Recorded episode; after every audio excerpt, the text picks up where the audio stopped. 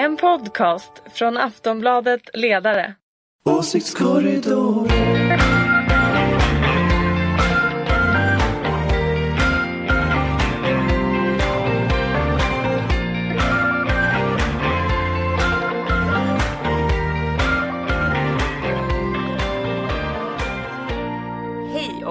Välkomna till Åsiktskorridoren, en podd från Aftonbladets ledarredaktion där vi pratar om det hetaste som händer i politiken just nu.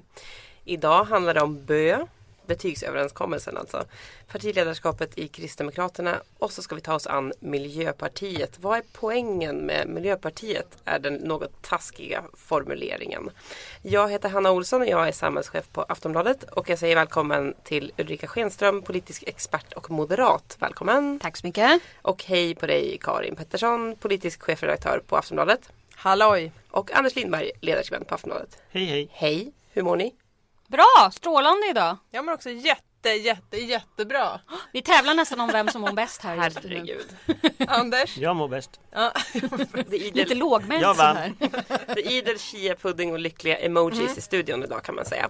Eh, jag tänkte att vi skulle börja med att prata om den här skolöverenskommelsen som presenterades eh, igår onsdag. Vi spelar in på torsdagen så det blir lite konstigt med dagarna. Men då har i alla fall regeringen kommit överens med Alliansen om att inte införa betyg från fjärde klass men att testa tidigare betyg från fyran på upp till 100 skolor. Karin, du har kallat tidigare betyg för förnuftsvidrig politisk klåfingrighet. Kan du utveckla?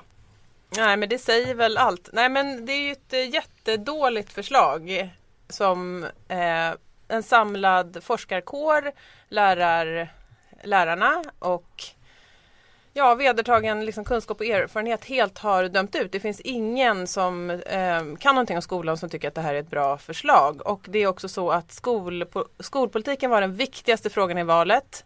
Eh, väljarna sa med kraft nej till den förra regeringens skolpolitik. Och det här var en debatt som eh, regeringen faktiskt hade vunnit och eh, vi såg sprickor inom alliansen där de hade eh, ja, partier som sa att vi kanske inte kommer eh, ändå lägga fram eller rösta på det här förslaget. Och då, precis då, när man har vunnit den här, hela den här diskussionen, då gör man en kompromiss där man släpper igenom eh, den här försök, försöksverksamheten på upp till 100 skolor. Och det är barnen som får betala priset för detta, för vad det här handlar om är ju tidigare sortering eh, och tioåringar som ska betygsättas.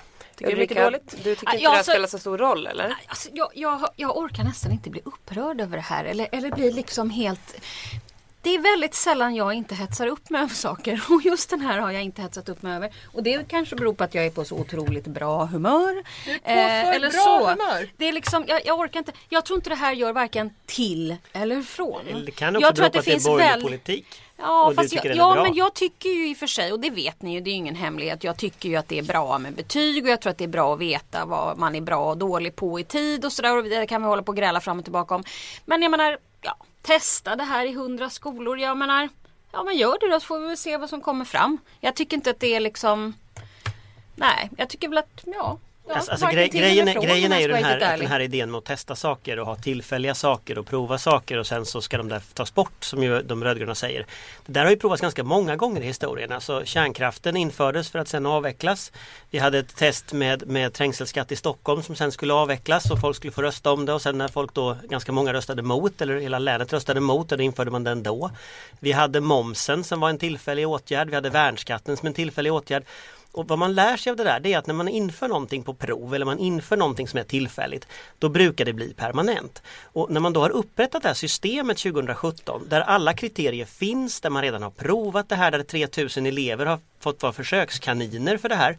Det är klart att då, då har ju Alliansen ett jättebra argument för att säga att ja men titta vi har redan gjort det och ni Jo. var ju för att att införa det, varför ska ni ta bort det? Varför ska ni hålla på och bråka om detta Varför ska ni hålla på och bråka? Och då kommer de säga som Ulrika Schenström säger nu, ja, men det är väl inget att hetsa upp sig över, det finns ju redan. Ja, men det är ju ingenting att hetsa upp sig över. Nej, Nej, och, och, du pro, och, problemet, och problemet är ju att då kommer ju Löfven stå där med sin slips eh, och sin Men, snopenät. men, men eh, jag menar, sen kan man ju ha en liksom djupgående, långgående diskussion om det är bra eller dåligt med betyg rent generellt. Jag menar, eh, och, och den, den kan vi säkert hetsa upp oss över här eh, fram och tillbaka. Men, men just den här uppgörelsen tycker inte jag är, ja, ja men testa då. Vi får väl Men- se. Och sen kan man ju dra massa slutsatser och det kanske blir så att det blir permanent. I don't know. Men jag, jag orkar liksom inte hetsa upp Nej, men jag tycker att det är två saker. Det ena är ju, för mig är ju betygsfrågan ideologisk. Jag har ingenting emot eh, att man har betyg för att eh, avgöra om barnen ja, inför gymnasiet. Men när tioåringar börjar sorteras efter betyg, då har jag mycket stora problem av ideolog, rent ideologiska skäl. Det handlar om synen på barn. Och jag blir får ont i magen när jag tänker på min egen eh, unge som vid tio års ålder nu eventuellt riskerar då att få betyg. Det är alldeles för tidigt tycker jag. Och det är, liksom, det är själva kärnfrågan. Sen så tycker jag faktiskt också att det är Sen blir man ju irriterad på att det här är faktiskt en fråga som regeringen hade vunnit. Man har vunnit den. Alla experter var på, på, på deras sida. Alla lärarna var på deras sida. Folkopinionen på deras sida. Ja, men varför gör Och de så här då? Ja. Förklara det för oss varför de gör så här men då. Jag jag... tror att jag har en teori om varför. Alltså i förra veckan gick ju Sverigedemokraterna ut och sa att de vacklade. Så att, så att, eh, och det är också så att allianspartierna har ju vacklat lite fram och tillbaka. Så att det fanns ju ingen majoritet i riksdagen om man liksom tittar på vad som faktiskt eh, vad som har sagts. Men jag tror det är så att man har ganska länge från, från de rödgröna sida förhandlat utifrån föreställningen om att man ska förlora detta i riksdagen om det tas upp. Och man är så rädd att man vågar inte ta strid. Och den här fegheten den hade man ju också i höstas, jag vet inte om ni kommer ihåg men fram till det att Löfven eh, utlyste extraval då höll man ju på så här. Man sträckte ut handen hit och dit, det var alltså ingen som tog emot den. Eh, så, när man då ställt, liksom bara fortsatte sträcka ut den här handen tills Löfven faktiskt tog en politisk strid. Då lades alliansen. Så att, så, att, så att någonstans så tror jag att den strategiska förmågan hos liksom den rödgröna regeringen den är, den är inte särskilt bra. Nej, nej, det kan man ju hålla med om. Um, rent Du har, ju vunnit, du har ju vunnit det här, du har ju vunnit så här, det är det som är problemet. det? Nej, men jag tycker Nej, det, du känns, bara, det känns bra. Det känns bra. Det känns bra ja, bara. nej, jag förstår det. Ja det förstår jag också. Ja, Du ser ut som Jan Björklund såg ut på presskonferensen igår. Ja, ja, ja. Det var det Riktigt där med en, med en nöjd. eh, mätt katt, En som, som man liknade Löfven vid där vid decemberöverenskommelsen. Ja, men Ulrika sitter och myser här. Är Så många att, olika eh, Nu står det 1-1 i överenskommelsegrejen. Löfven vann decemberöverenskommelsen, de här vann Ja, skolöverenskommelsen. nu Ja. ser ni. Det, ja, känns Det det, är bara mer sådär olika personer som- jämlikt och vikten liksom ligger jämnt så. Och Ska vi få en sån här fight hela tiden om vem som vann på olika överenskommelser och så vinklar man åt olika håll. Ja. Okej, vi lämnar det. Ehm, jag tycker vi ska prata om att vi äntligen ser ut att få en ny tjejkvinna som partiledare för ett svenskt parti. Eh, då pratar jag om Acko Ankarberg som idag är KDs partisekreterare och hon vill ta över efter Hägglund.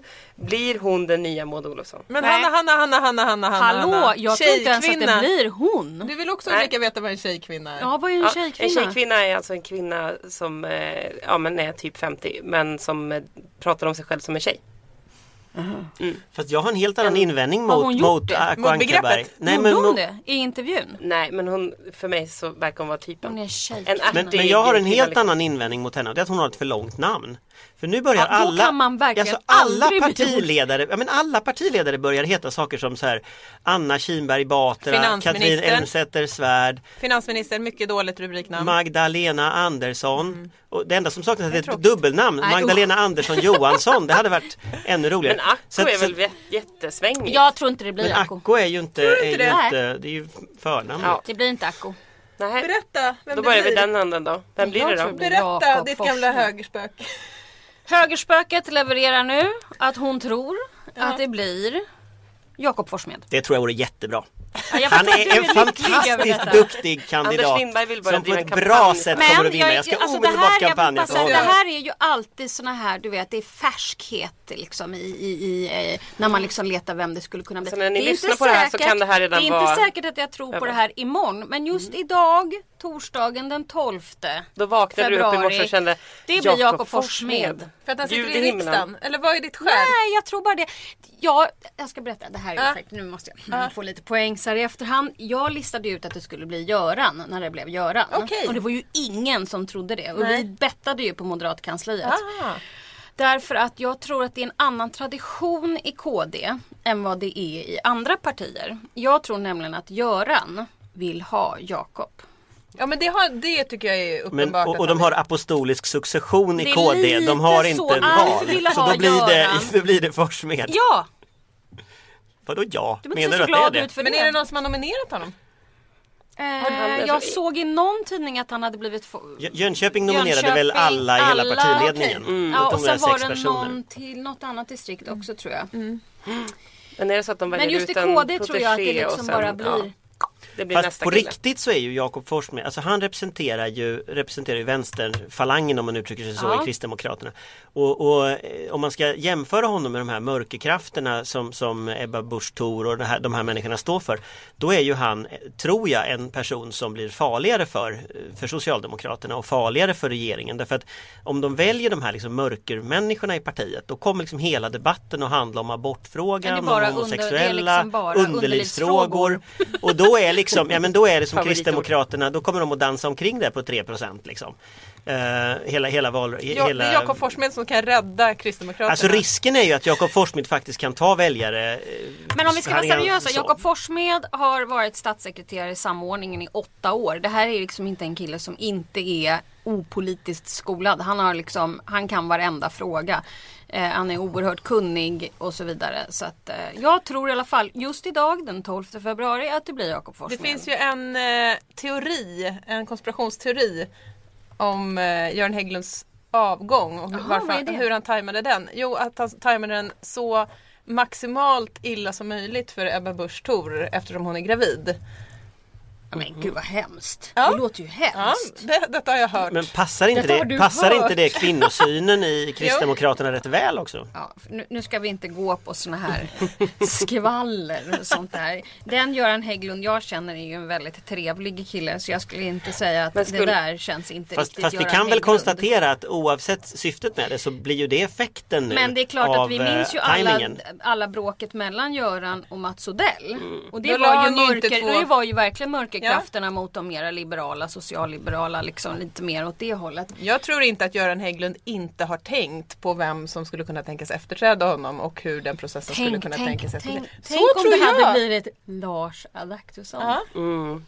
Han var ändå på många släppar den där dagen. Ska jag säga. För att KD är ju nämligen det enda partiet jag känner som skulle kunna tänka sig att göra en person som Lars Adaktusson till partiledare. Men innan Därför vi att de gillar ja. ju såna här kändisar och såna Mm, här gillar konstiga saker. Medan det är Moderaterna eller i Socialdemokraterna så är det liksom man måste ha burit back, man måste ha varit med länge, Koka man måste kaffe, oftast. koka kaffe. Ja men det är samma sak som bära back, fixa seminarier och du vet Men sånt du där. Rika, du hade ju en idé här innan vi började spela in podden på vem du tyckte skulle ta över i Kristdemokraterna som jag tyckte var bra. Uh, Göran. Göran. Göran och Persson. nu är vi inne på Göran igen. Här han kan ju så mycket nu. psalmer. Han kan så pass mycket psalmer så jag tror han skulle kunna Ja, Göran bära Persson. KD Tänk om han bara över komma 4 tillbaka. spärren. När fan blir gammal. Jag är väldigt förtjust i Göran Persson. Nu har jag sagt det i poddarna här. Du är lika Mm, förtjust i Göran. Persson som Anders Lindberg är i Jakob Forssmed. Nej, Oj, men- nej, men- nej, jag tycker mycket mer om Göran Persson. Sammanfattningsvis är det mycket starka känslor. Det är jämfört. mycket Väldigt starka känslor här inne. rummet. Ja, det är mycket Fast, starka fast om, man, känslor. om man ska vara lite seriös så är det ju så att Kristdemokraterna är ett litet parti så de, de måste nog välja någon som sitter i riksdagen. Att välja någon som inte har riksdagen som plattform blir väldigt knepigt för ett litet parti. Alltså, Centern kunde ju göra det med Maud Olofsson men det är en annan typ av partikultur också de har i det partiet. Fast de måste ju också hitta någon som kan eh, gå igenom rutan och kan kommunicera. Det tror jag också är viktigt Ja, för ett och parti det som håller på att åka ur viktigaste riksdagen. kanske också är kunskapen om politik och verkligen veta hur man gör och har varit med i många förhandlingar, vet hur en slipsten ska dras och som det liksom tänker du att Lars bottnar Adaktusson inte har då? Och då känner jag att Lars kanske inte är den som har gjort mest förhandlingar och sånt. Han är och vi behöver är inte inte ens ens prata kandidat. om, han är inte kandidat det? längre. Nej, prata inte om honom. Sluta prata om det. Men jag vill veta Sluta. hur... Men det är inte Jakob Forssmed heller så, så, så, så Jakob att den enda kandidaten han har som har sagt ja han, har sagt, Han har inte sagt han, nej. Han har inte sagt nej. Nej, det är sant. Han har sagt att han Det, inte det är säger något. jätteovanligt att folk först säger nej och sen ändrar sig i politiken. Mm. Ja, det det Göran sa väl nej massor med gånger innan han... Alltså, Men Han har sagt nej nu flera gånger till KD också. nu blir det många Göran i leken. Men jag undrar så här, skulle Acko Ankarberg gå ut så här starkt och säga ja om hon inte kände att nu är jag partiledningens kandidat? Kan det komma en annan? Ja men typ? hon fightas väl. Jag Ja. tror att det finns definitivt två sidor av det här. Det står mellan Acko och Forssmed. fast de är i samma falang båda två. Ja men det spelar väl ingen roll. Gud vad ni håller på med falanger. Det är typiskt sossar. Ni håller bara på Fast med falanger KD har och vem väldigt som många kommer från falanger. vilket distrikt och varför. Ja, det var, ja. Väldigt Fast tröttsamt. KD Du går har ju väldigt många falanger. Jag går på feeling. Mm, vi får se, det ska bli spännande att se. Det kommer, nästa helg har vi ju kommundagarna att se fram emot så att eh, nästa vecka kan det handla ännu mer om KD och vart de är på väg. Tired of ads barging into your favorite news podcasts? Good news. Ad-free listening is available on Amazon Music for all the music plus top podcasts included with your Prime membership. Stay up to date on everything newsworthy by downloading the Amazon Music app for free or go to amazon.com slash news ad free. That's amazon.com slash news ad free to catch up on the latest episodes without the ads. Ja, jag. det kan vara spännande. Mm, vi får se vad som händer som sagt. Men nu ska vi prata om Miljöpartiet. Ja. Vi måste prata om Miljöpartiet. Varför finns de? Varför finns de? Ja. Igår stod Fridolin axel mot axel med sin ärkefiende från valrörelsen, Jan Björklund. Vad är det som händer? Det var en sån scen tycker jag. Jag tycker det var en stark och obehaglig scen att se de två Eh, stå där bredvid varandra. Och eh, ja men otrevlig. Nej men Miljöpartiet har ju mycket stora problem. Och det handlar väl i grund och botten om krocken eh, mellan övergången från det här liksom idépartiet, aktivistpartiet och att sitta i regeringen. Det är ju själva, de är ju en slags identitetskris tror jag, Miljö- Miljöpartiet just nu. Dessutom tror inte jag att de har hanterat valresultatet. Jag tror att de fortfarande är inne i en process där de eh, liksom De var i bearbetar det. chock Det. De var i chock. De trodde eh, att de hade liksom någon manifest destiny att liksom växa och växa och växa och bli det nya, de nya socialdemokraterna Absolut. eller vad det nu var. Och eh, sen så kom det här bakslaget och jag tror inte att de fattade vad det var som hände och jag tror att de fortfarande Plus- håller på och funderar över det. Plus att de helt plötsligt kommer i regeringsställning och då hinner man inte Nej, liksom, ta hand om inte. den här liksom, Och de har extremt svåra politikområden. De har bostadspolitiken som är enormt svår. Eh, utbildningspolitiken jätte, jättesvår. Och förhandlat väldigt dåligt till sig de platser de har i regeringen. Ja, jag Även om det är svårt så sitter de ju inte på någonting som egentligen bestämmer någonting som finansen, SB, alltså statsrådsberedningen, utrikesdepartementet, socialförsäkringsdelen på socialdepartementet. Som departementschef menar du? Ja, alltså de har ju inte de stora kugghjulen som justitiedepartementet. Ja, fast Och där gör man nu upp med du Folkpartiet. vet ju precis som jag att ändå sen 1953 finns det ju en avdelning som bestämmer i det här landet. Den heter Finansens budgetavdelning. Vi pratar alltid om det. Ja men det Fast- är ju fast- så. fast det är det är nog ju lika också- bra att inse fakta. Fast, fast det är nog också så att eh, det är nog inte bara den identitetskrisen utan jag tror ju också att, att hela den frågeställningen Miljöpartiet hade att de var de enda som var för miljö. Mm. Nu är alla för miljö i lite varierande grader och det börjar finnas en höger-vänster-konflikt om politiska lösningar i Och miljöfrågor. de är Och- inte speciellt mycket för. Det skulle ju behövas ett riktigt miljöparti. Ju, nej, ja, precis, det, vad som skulle behövas i Sverige det är ett miljöparti. Ett miljöparti. Igen. Eh, därför att vi har inget miljöparti idag. Vi har ett skolparti under Gustaf Fridolin och sen Mm. har vi ett, ett, ett eh, jag vet inte vad riktigt under Åsa Romson för hon har liksom försvunnit. Nej, inte ens det. Alltså, det. Det finns en partipolitisk konflikt om Vargparti. klimatfrågorna också. Vargparti skulle jag säga. Det är det hon Ja. kommer ut i för frågor. Mm. Och, och, och den typen av konstiga frågor, den tror jag att Miljöpartiet aldrig kommer att kunna vinna i. Så, att, så att det är inte bara liksom partiet som är problemet utan hela den liksom våg de har Sen tror jag dessutom att de har strulig. ett problem i att identifiera varför det gick så väldigt dåligt Mm, mellan Europaparlamentsvalet och septembervalet. Därför att de tappade ju nästan 10 procent där. Eh, De gick mellan från de här näst två. största parti Och jag till tror att fjärde de parti, har ju en ganska stor del av sina väljare som är egentligen en kombination av allmänborgerliga väljare och vänsterväljare. Och jag tror att den partiledningen som sitter just nu är ju ganska vänster. Om man jämför mot andra miljöpartister om man ska vara ärlig. Eh, men de har en hel, och har framförallt haft en hel del allmänborgerliga väljare som inte har känt sig hemma kanske i Centerpartiet eller F- Folkpartiet eller, eller så. Fast inte längre. Nej men det är Nej. de de har tappat. Nej, är och, de då, de har tappat. och då är det ju liksom, och det är de här som jag brukar kalla för bondens marknad eh, väljarna som Mm. ser ut ungefär som eh, jag, eh, fast jag är ju då med i sekten Moderaterna, men, men, men som tycker att det är lite finare och lite bättre att kanske rösta på Miljöpartiet. Du vet, gillar att veta vilken ko man äter och sådär och vad den heter och vars farfar heter och sånt där. Och som kanske så att är men en sen ko. har två suvar i, i du vet, källaren och sådär. Som cyklar till jobbet och tror att Fast, de är fast, fast det, är nog också, det finns nog också min, Jag känner det finns rätt också, många Men det finns nog också, också nä, ganska närliggande problem och det är ju också att de har ju haft nu möjligheten att sätta sex personer i huset. Alltså genom att ha ministrar så får du stå oemotsagd i en tv-studio, du får vara med och prata, du har möjlighet att kommunicera politik. Och de har inte valt sina mest erfarna politiker.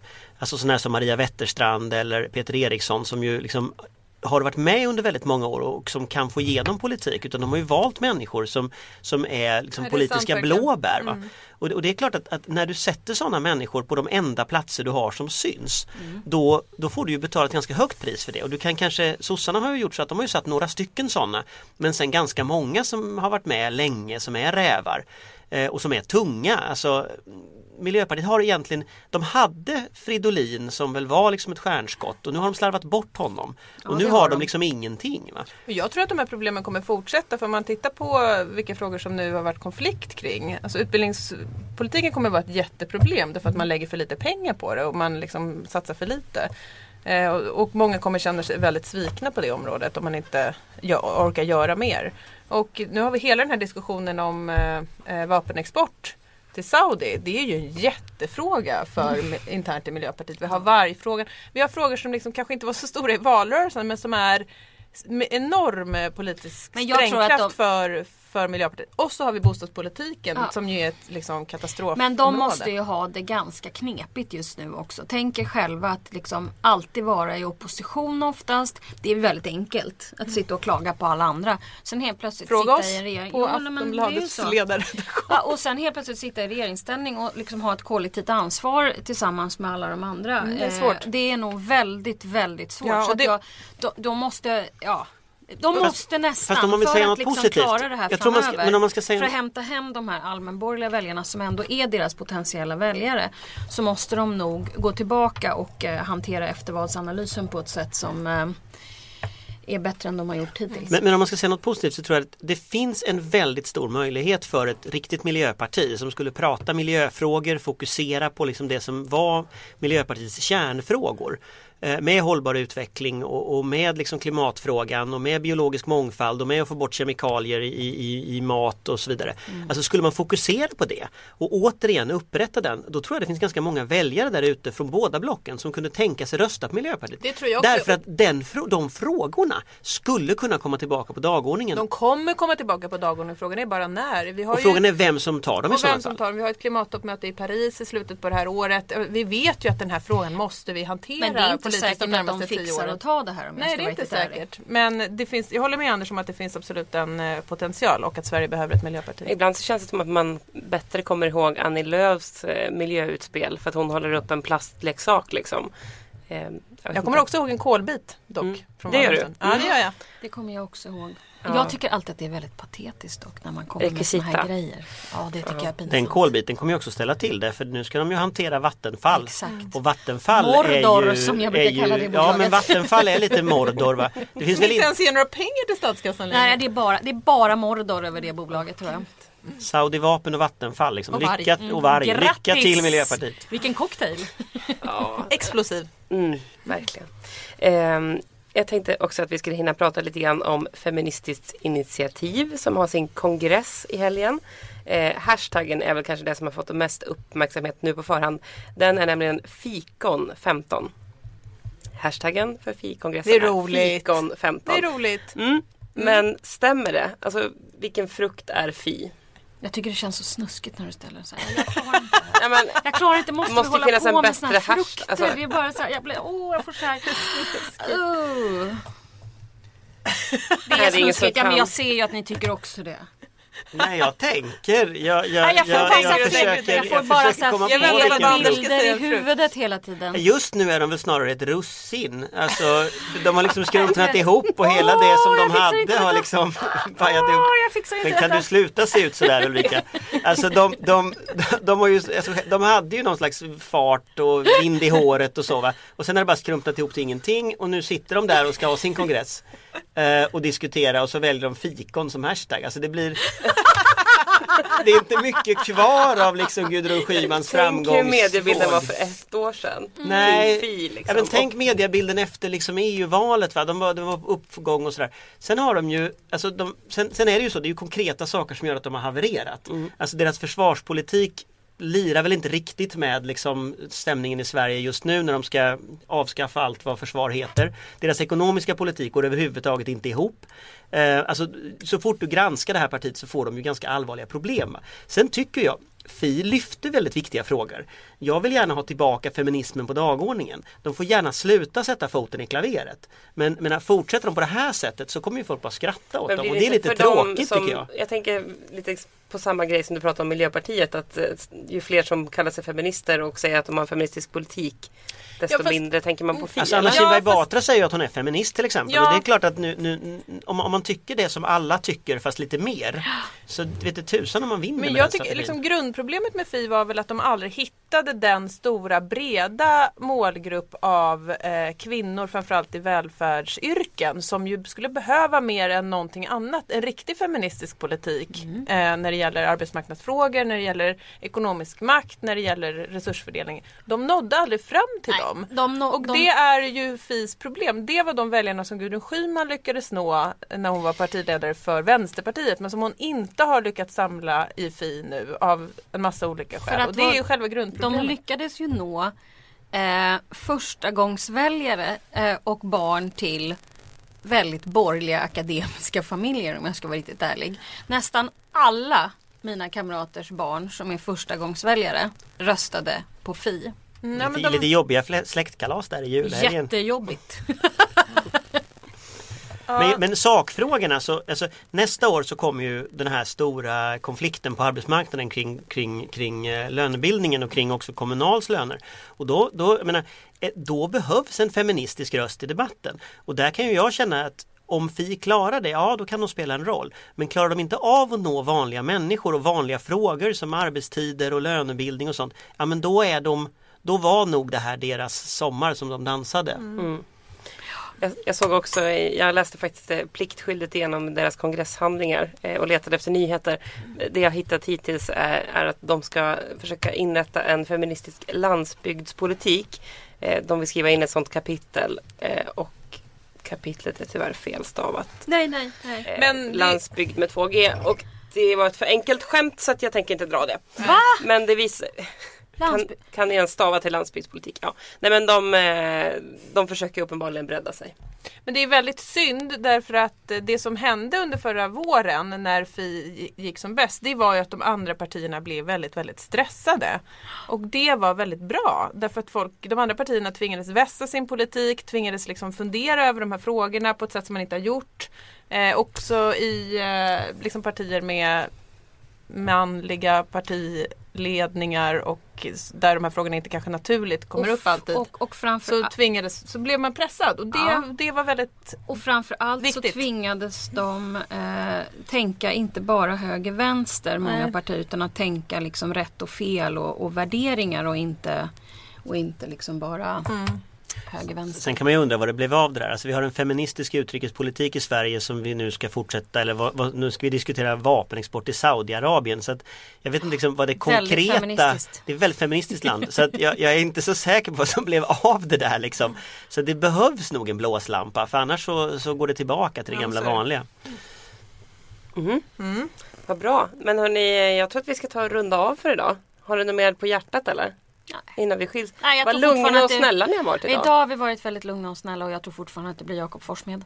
tycker det hettade till ändå lite där med att det var mycket känslor i svang. Ja, när vi pratar om Jakob eh, Göran. Persson och Jakob Forssmed.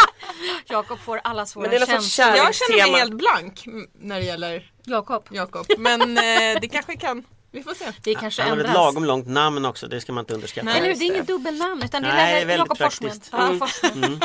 Men Acko. Ja. Men det är ett förnamn, man kan Ja, inte ha förnamn i rubriker. också. Jag gillar inte fan Acko, att jag tycker hon verkar stabil. Men hon, hon är nog, om, om man ska vara lite krass, hon verkar ju vara den mest liksom vettiga av dem. Så här, jordnära, landstingspolitiker och sånt där. Men jag menar, deras problem är ju deras medlemmar i partiet. De kommer ju inte undan det. Alltså. De Jag har är varit, för få, tänker du? Nej, att de är för konstiga. Alltså, jag, jag har varit på massa sådana där riksting och alltså det, det, det är alltid en massa galningar som framför massa konstiga saker om underlivsfrågor och sen så diskuterar ju alla det i medierna. Och det är klart att så länge de har de medlemmar de har så kommer ju KD på ett sätt att fortsätta ha de problem de har. Annars får vi ringa Göran. Han får ta Och nu pratar du om Persson. Vi Då kommer vill han ha med sig sina kor till KDs riksdagskansli. Exakt, kor där och mycket sång. Gud där, vad är det han har? O stor Gud. O store Gud. Jag tror vi eh, Jag tror vi, knyter ihop jag tror vi är klara där va? Tack så mycket för idag Ulrika Schenström, Karin Pettersson, Anders Lindberg. Vi hörs igen. Hej då! Hej då! Hej hej! Åsiktskorridoren